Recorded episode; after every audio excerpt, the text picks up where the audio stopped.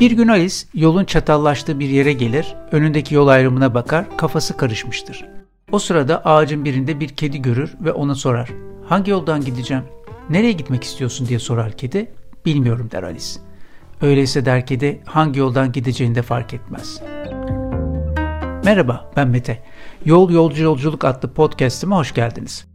Bunca alternatif içinde buraya kulak kabarttığınız için çok teşekkürler. Burada en kısa tanımıyla kendine ve yoluna inanan, inandığını başaran, konfor alanlarını terk etme cesaretini gösteren insanların hikayelerini dinleyeceksiniz. Eminim kendinizden de bir şeyler bulacaksınız bu hikayelerde. Keyifli dinlemeler.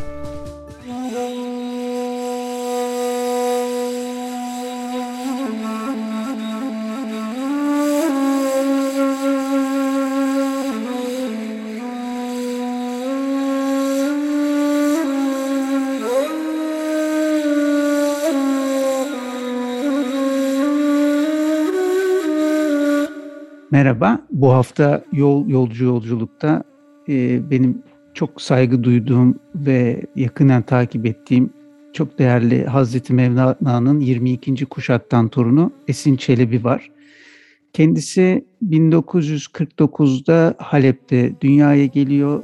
Işık Lisesi'ni bitirip arkasından İstanbul Üniversitesi'nde Arap Fars filolojisini bitiriyor. 96 yılında kurulan Uluslararası Mevlana Vakfı'nın başkan vekili. Daha sonra vakıf bünyesinde hazırladıkları iki önemli projeyi Kültür ve Turizm Bakanlığı aracılığı ile UNESCO'ya sunuyorlar ve Sema ve Mevlevi müziğinin insanlığın sözel kültürel mirası başyapıtı seçilmesini 2007 yılının da Dünya Mevlana'yı anma yılı ilan edilmesini sağlayıp UNESCO tarafından akkredite ediliyorlar. Kısaca böyle özetleyebileceğim. Esin Hanım, hoş geldiniz. Hoş buldum efendim. Teşekkür ediyorum. Şimdi genelde Esin Hanım benim konuklar bir yol arayışında, yol değiştirmede olan insanlar ama siz bir yolun içine doğmuşsunuz. Bir Çelebi ailesi mensubu bir Hazreti Mevlana'nın soyundan gelerek böyle bir yolun içine doğmak nasıldır? Öyle başlasak mı? Olur, başlayalım. Ee, böyle bir yolun içine doğmuş olmak bir yolu kolaylaştırıyor. Evimizde Hazreti Mevlana konuşulurdu. Ee, ve özellikle babaannem bize hikayeler anlatırdı. O hikayelerin mesnevi hikayeleri olduğunu büyüdükten sonra anladık. O hikayeleri anlatırken içindeki önemli dersleri paylaşırdı. Ama bunları ders gibi değil, sohbet şeklinde yapardı. Bizlerin fikrini sorardı hikaye anlattıktan sonra. Sence nasıl olmalıydı? Nasıl davranmalıydı bu kişi gibi. Bu şekilde e, bir eğitim farkına varmadan sevdirerek, güzellikle e, bir eğitimden geçtik. O yüzden yol kolaydı bizim için. İnce ince nakış Tabii, gibi işlemiş yani babaanne. İşlemiş. Evet. Özellikle baba. Ne güzel. Evet. Şimdi tam bu kaydımız Esin Hanım 10 Kasım'ın bir gün sonrası Atatürk tarafından Mevlevilikte çok dikkate alınan, değer verilen bir kavram. E, sizin babanızın büyük babası Abdülhalim Çelebi ile olan e, kitaplarda da yazdığınız, belirttiğiniz bazı hikayeler var. İlk ağızdan onları da Atatürk'le bağlantılı Mevlevilikle ilgili tanıklıklardan e, bahseder misiniz biraz? Mevlevilik e, malum Hazreti Mevlana'nın oğlu, torunu Sultan Veled ve Ulu Arif Çelebi tarafından kurulmuş e, ve e, Mevlevi hanelerin başında hepsi birbirine bağlı ve başında da o kandan gelen birisini seçmişler. E, o kişi işte 1925 e, veya 23 yani Kurtuluş Savaşı sırası diyeyim daha doğru olacak. O sıralarda e, makam çelebisi yani Mevlevilerin başında olan kişi babamın büyük babası Abdülhalim Çelebi. Bütün Mevleviler ona bağlı, bütün Mevlevi haneler ona bağlı o zaman. Kurtuluş Savaşı'nda manevi destek veriyor savaşa. Daha sonra e, birinci meclise görev alıyor. Yani e, aslında aile hiçbir zaman siyasete karışmamış. Siyaset üstü olmuş. Daha öyle diyelim. E, ama e, bu farklı bir şey. Bir vatan kurtarma meselesi var burada. O yüzden de e, yapabileceği her şeyde, hizmet edebileceği her şeyde bulunmuş. Ve e, ilk Konya milletvekili olarak Ankara'ya gidiyor. Görevini tamamlıyor. Birinci mecliste. Atatürk e, o zaman oylamayla alıyor, kabul ediyorlar bütün e, şeyi, meclisin e, yönetimini. E, Başkan Atatürk, o zaman daha Gazi Mustafa Kemal, Atatürk ismi verilmemiş. Gazi'den birkaç oy eksiğiyle Abdülhalim Çelebi birinci mecliste görev alıyor başkan yardımcısı olarak. Görevi tamamlandıktan sonra da Konya'ya dönüyor. Ama bu sırada tabii e, memleketin durumu ortada. E, Abdülhalim Çelebi'nin Konya'da bir evi var. Ailesi Konya'da yaşıyor. Kendisi görev dolayısıyla Ankara'da bir ev açmak zorunda. Ve hatta e, işte birçok şeyde geçiyor bu bilgi olarak.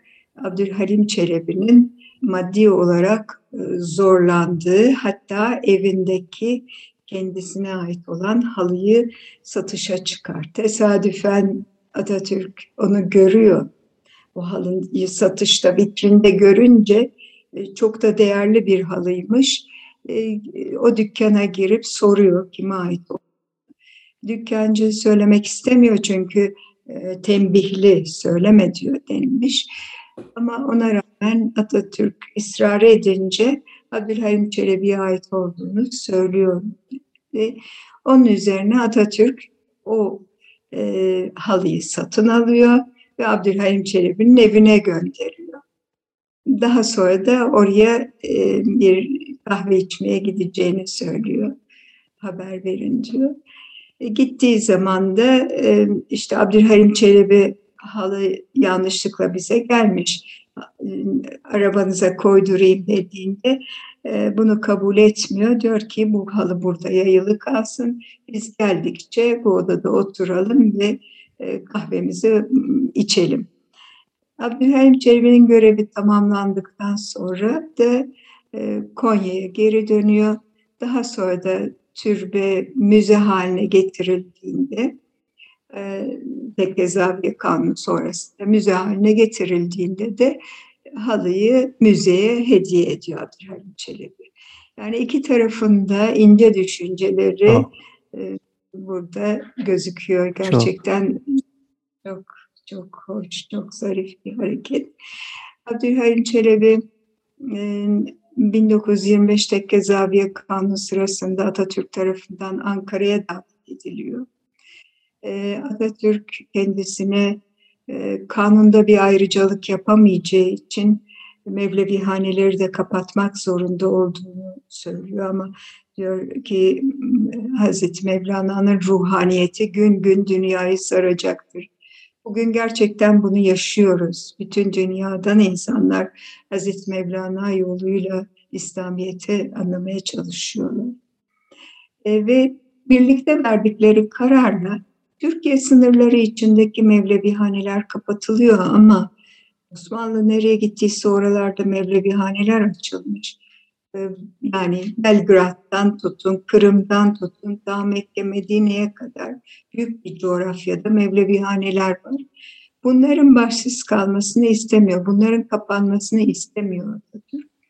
Ve birlikte verdikleri kararla Abdülhalim Çelebi, kendi oğlu Bakır Çelebi Suriye'nin Halep şehrine gönderiyor. Ve e, kısa bir zaman sonra Abdülhalim Çelebi vefat edince e, makam Suriye'nin Halep şehrine geçmiş oluyor. Çünkü diğer şehirler e, Bakır Çelebi'ye biat ediyorlar. Yani onun makam çelebiliğini kabul ediyorlar. Maalesef büyük babam e, 42 yaşında çok genç. Çok gençmiş. Aa, çok yani, gençmiş. O zaman babam e, şeyde İstanbul'da Galatasaray Lisesi'nde okuyormuş ki Bakır Çelebi de Galatasaray Lisesi'nde okumuş. Hmm. kendisini tekrardan Halep'e dönüyor annesinin ailesinin yanına ve bu sefer de onu makam çelebisi olarak seçiyorlar. Amcası var ama amca Türkiye Cumhuriyeti'nin Halep konsolosluğunda görevli olduğu için ve Mevlevihaneler de resmen Türkiye Cumhuriyeti tarafından bu topraklarda kapatıldığı için babama biat ediyorlar ve amcası da kendisine destek veriyor, yardımcı oldu. Babam Halep'te doğmuş. Biz beş kardeş dördümüz Halep'te doğduk. Daha sonra okul çağlarımızda e, anneannem İstanbul'da oturuyordu. O yüzden e, İstanbul'a geldik e, ve İstanbul'da okula verdiler.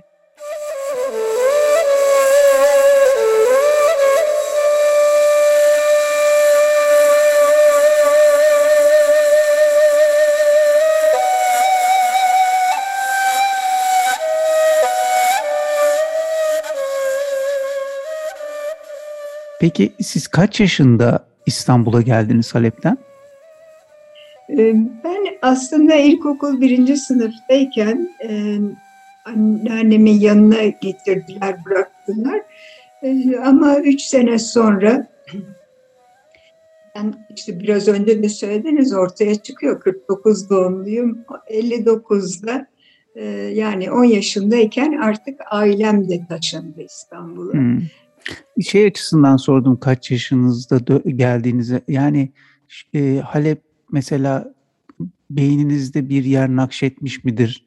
Ara ara hani bir bağ var mı gidiliyor mu? Oradaki Mevlevi haneyle hala bir irtibat var mı? Onları merak ettiğim için. Yok. Ee, şöyle ki Halep'te de e, Mevlevi haneleri kapatmışlar. Yani Fransızlar çekilip de Araplara kalınca Suriye, Araplar bu bir Türk tarikidir. Türkiye'de kapatılmış, onun için burada da kapatılsın diye. Ki biraz siyasi bir şeyler giriyor işin içine bilemiyorum. Ee, ama orada da kapatmışlar. Hatta mal varlığına el koymuşlar. Babama sen Arap tabiyetine geçersen e, seni burada malını mülkünü almayız demişler ama e, babam ben Türk doğdum, Türk ölürüm deyip kabul etmemiş Arap tabiyetini. E, ve Mevlevihane'den çıkmış. Ona bir ev e, tahsis etmişler ama daha sonra da kirasını almaya başlamışlar. Hı hı. E, Mevlevihane'deki dedelere işte mal varlıklarına el konduğu için yaşam boyunca onlara bakılmış ama daha sonra e, onlar da Mevlevihanelerin semahaneleri camiye çevrilmiş ki Türkiye'de de birçok Mevlevihane'nin semahanesi cami şeklinde şu anda ayakta. Hangi camiler Şeyde, var mesela Mevlevihane sema alanından camiye dönen nereler var? İlk etapta aklınıza? İşte Afyon, Kütahya onlar geliyor aklıma. Öyle mi? Hmm. Ve bunun gibi birçok var şu anda ezberimde değil ama hı hı. E, onlar aslında iyi ki camiye çevirmişler ki Doğru. E, kalmış, ayakta kalmış. E, Halep'le ilgili söyleyeceğim orada hiçbir akrabamız yok. Ee, biz e, ailece Türkiye'ye geldik. Zaten anne, babaannem, annem hepsi Türk. O yüzden de evimiz Türkiye'nin bir parçasıydı. hani bazen diyorlar ya e, işte çocuk e, yerinden yurdundan olursa travma yaşar filan. Hayır böyle bir şey yaşamadık çünkü zaten biz Türktük ve o bilinçle yetiştirilmiştik kendi memleketimize geldiğimiz için de huzurlu, mutlu olduk. Hiçbir günde Halep'i aramadım ama bir tek şey var. Belki onu paylaşabilirim. Ee, ben okumayı çok severim ee, ve daha çocuk yaşta sev, severdim okumayı. Ee, seviyorum diye babam bana Binbir Gece Masalları kitabı almıştı. Ve işte çok ani bıraktık evimizi ve çıktık. Türklere karşı bir ayaklanma hazırlanıyor.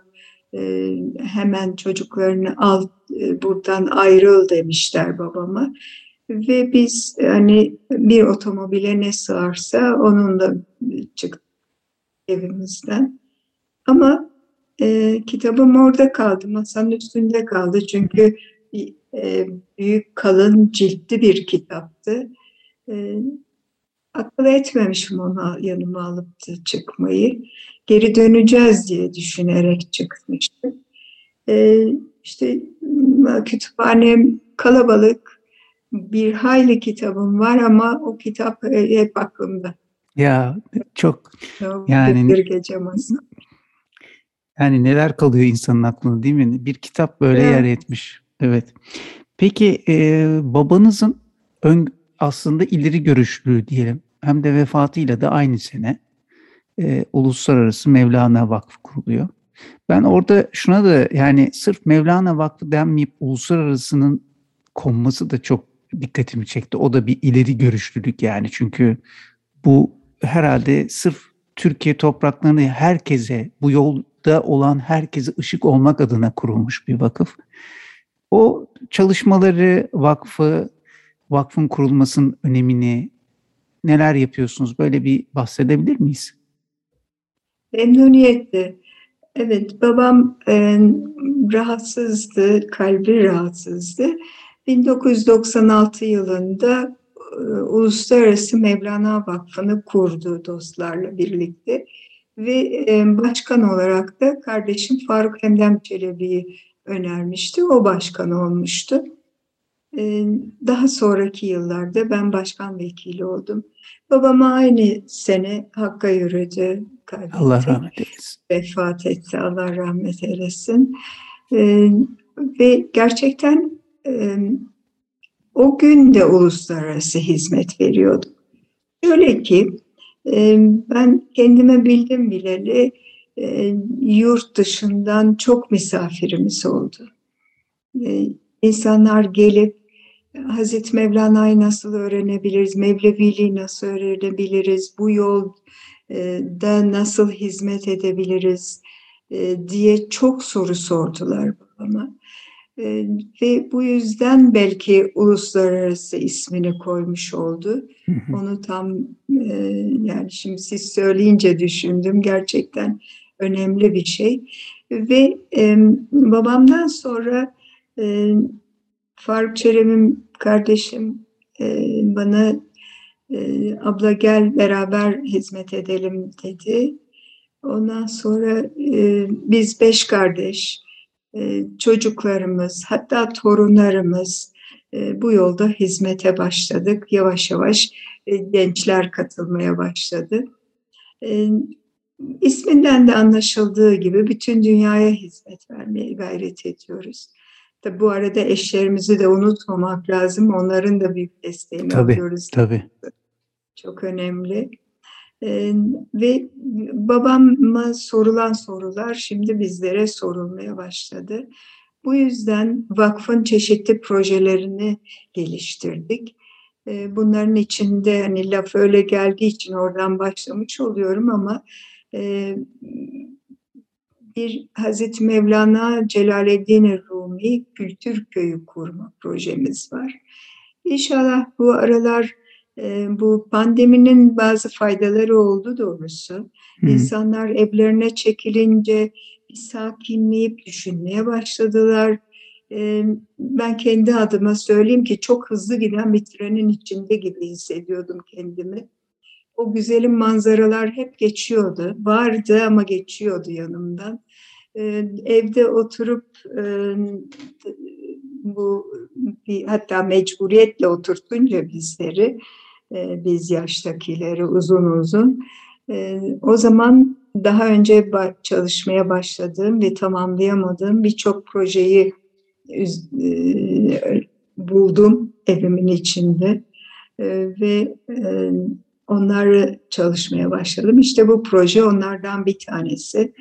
Hı. Ve insanlar hani yalnız maddi e, hayatları değil, manevi hayatlarındaki eksiği fark ettiler diye.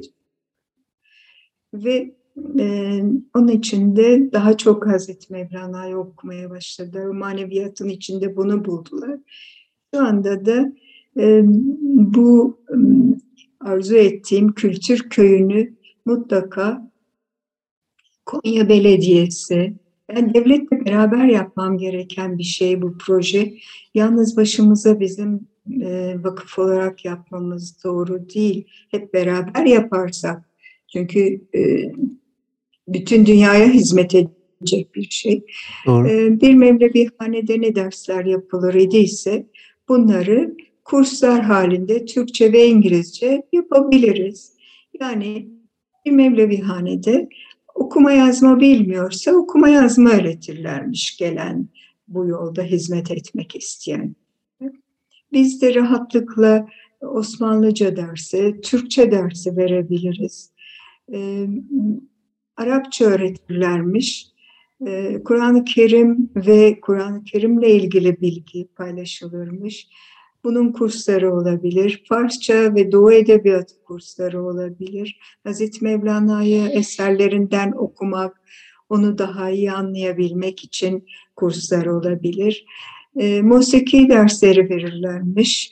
E, bugün gerçekten bizim klasik Türk müziği dediğimiz müziğimizin özü zaten Mevlevi hanelerde yetişen bestekarların, müzisyenlerin e, eseri.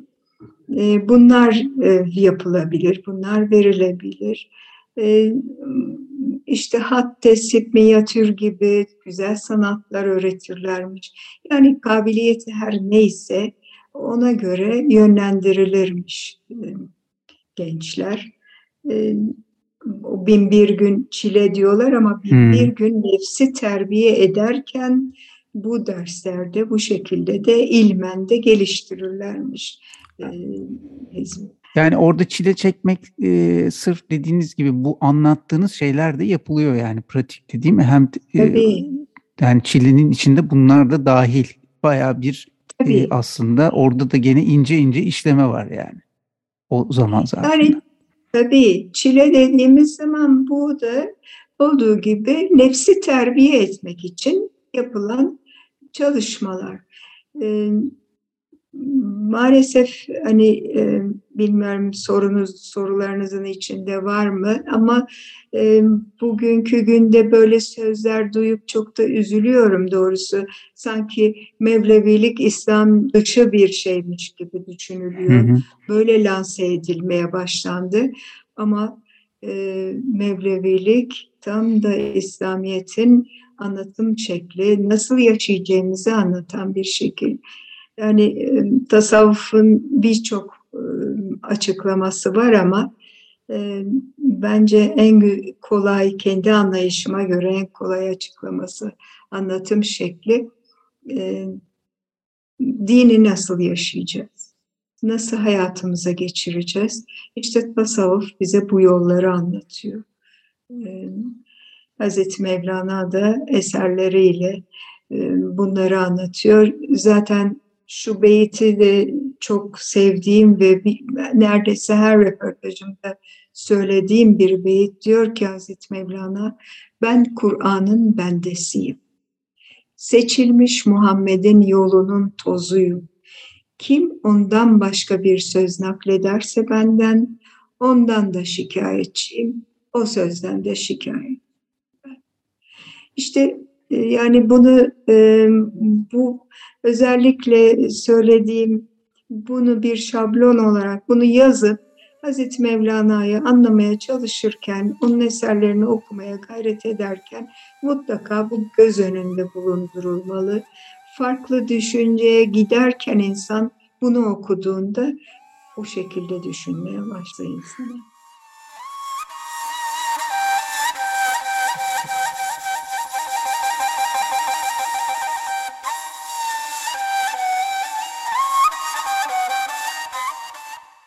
Bir şey dikkatimi çekiyor Esin Hanım. Yani Mevlevilik de çok ataerkil bir yapılanma. Ama siz bu işin önde görüneni olarak bir kadın olarak görünmenizi de çok önemsiyorum ve çok hoşuma gidiyor. Yani orada değişen bir şeyler var mı? Yoksa bu ailenin aldığı şimdilik olan bir karar e, sadece ne sözcü görsel olarak bu şekilde ama gene e, Çelebilik e, kardeşinizde olan bir makam değil mi? Yani yanılıyor muyum? Onu bir teyit etmek Yok, istedim. Yanılmıyorsunuz. E, çünkü e, biz yetişirken de e, hani e, diyorlar ya Çelebi Hazreti Mevlana torunu olmak nasıl bir şey? Yetişirken bize bunu öğrettiler bu yolda hizmet etmen gerek. Madem ki bu kana doğdun, hizmet etmelisin. Ben hizmet tarafındayım. Ee, kesinlikle örf adeti bozmak doğru bir şey değil diye düşünüyorum. Böyle de yetiştirildim. Ee, manevi büyüğümüz, kardeşim Faruk Hemdem Çelebi. Ben ancak yola hizmet etmeye çalışıyorum. Babam vefat ettiği zaman kardeşlerimin çocukları küçüktü. Farklı bir hayat gailesi içindeydiler aynı da. Ve işte beş kardeş olmanın da verdiği bir şeyle dediler ki abla senin çocukların büyüdü. Sen eşin de daha bu konuda anlayışlı. Çünkü eşim Osman Bayru Yeni Kapı Mevlevihanesi Şeyhi Şeyh Osman Efendi torunlarından. Ve e, bu yüzden yaptığım her şeyde beni destekledi. E, ve sen bir tek sözcümüz olsun dediler. Hı hı. O tek sözcü daha doğru olur dediler. Onun için herkes bendenizi görüyor, bendenizi tanıyor ama e, dediğim gibi sadece hizmet tarafındayım örf adet aynı şekilde devam etmekte. Makam çelebimiz Faruk Hemdem Çelebi. E, çünkü bu bir manevi e, hizmet, manevi bir makam. Her ne kadar Abdülhaim Çelebi taraf zamanında Türkiye Cumhuriyeti'nde kapatılmış olsa Bakır Çelebi ve oğlu yani Bakır Çelebi ve onun oğlu babam Celalettin Çelebi. Onlar bu hizmette, bu makamı Suriye'de, Halep şehrinde devam ettirmiş olsalardı, Türkiye'ye geldikten sonra babamın hep söylediği bu manevi bir sorumluluktur, e, hizmete devam edeceğim dedi.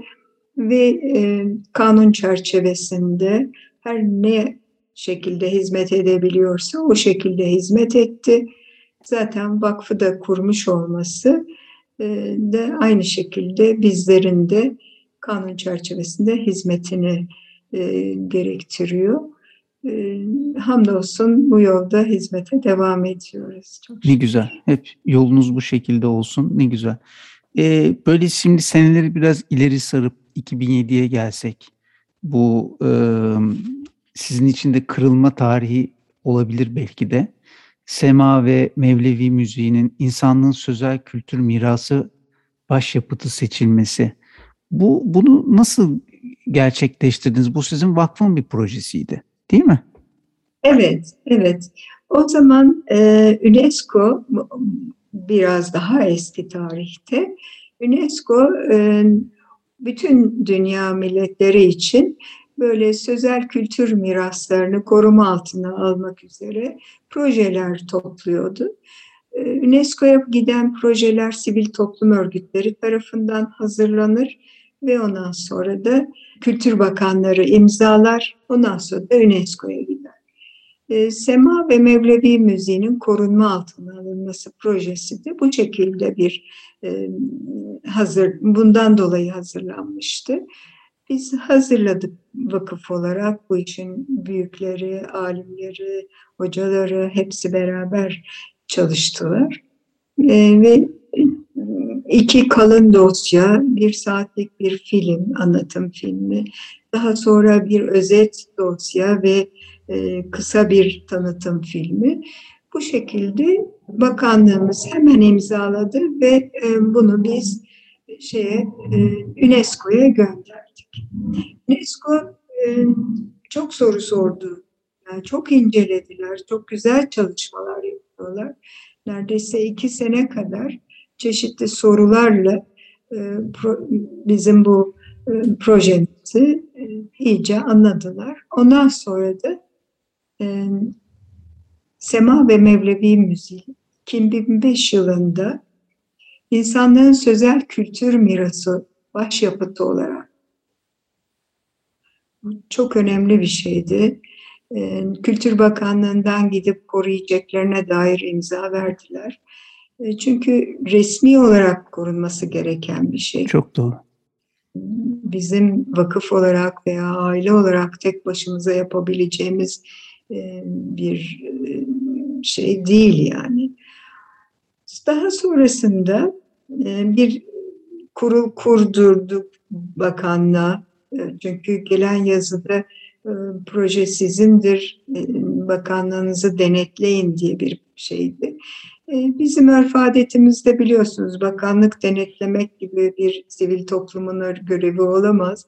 Ancak beraber çalışalım diye ısrarla bir kurul kurdurmuştuk.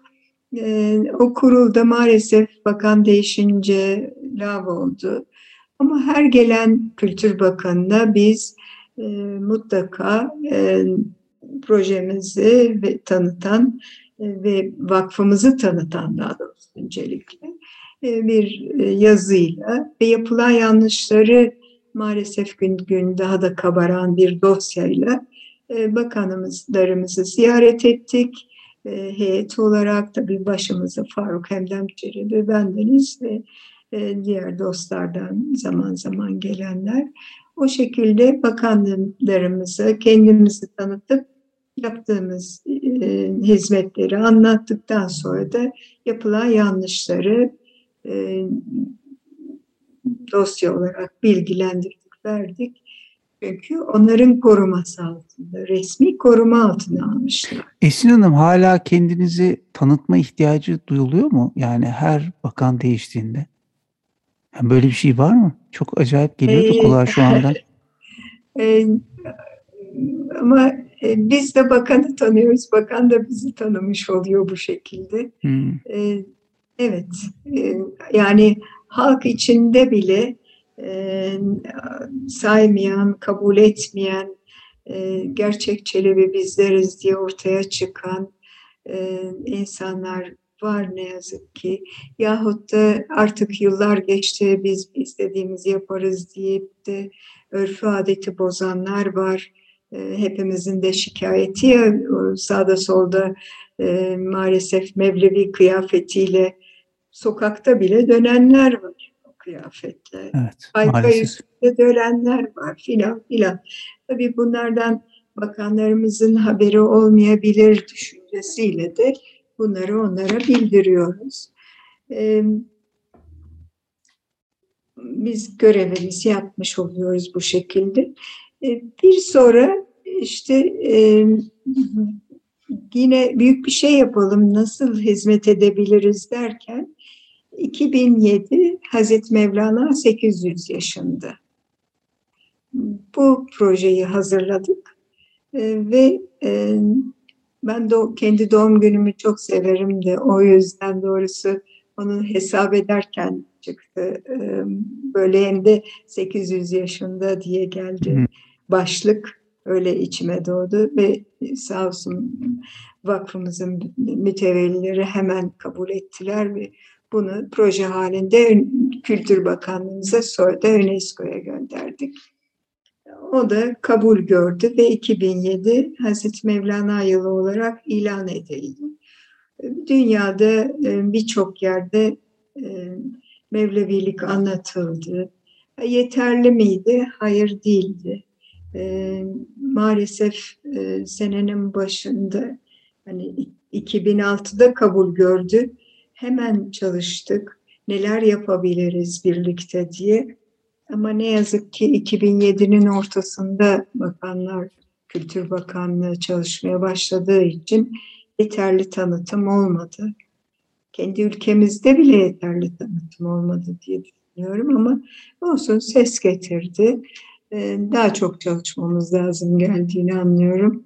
Ee, ve bu şekilde hizmete devam ediyoruz.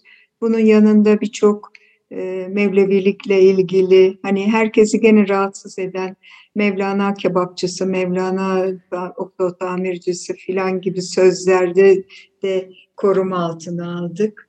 E, onları da devlet korumasına verdik. Yani bütün maddi kısmını vakıf olarak karşılayıp koruma altına aldıktan sonra e, Kültür Bakanlığımıza verdik. Onların koruması lazım.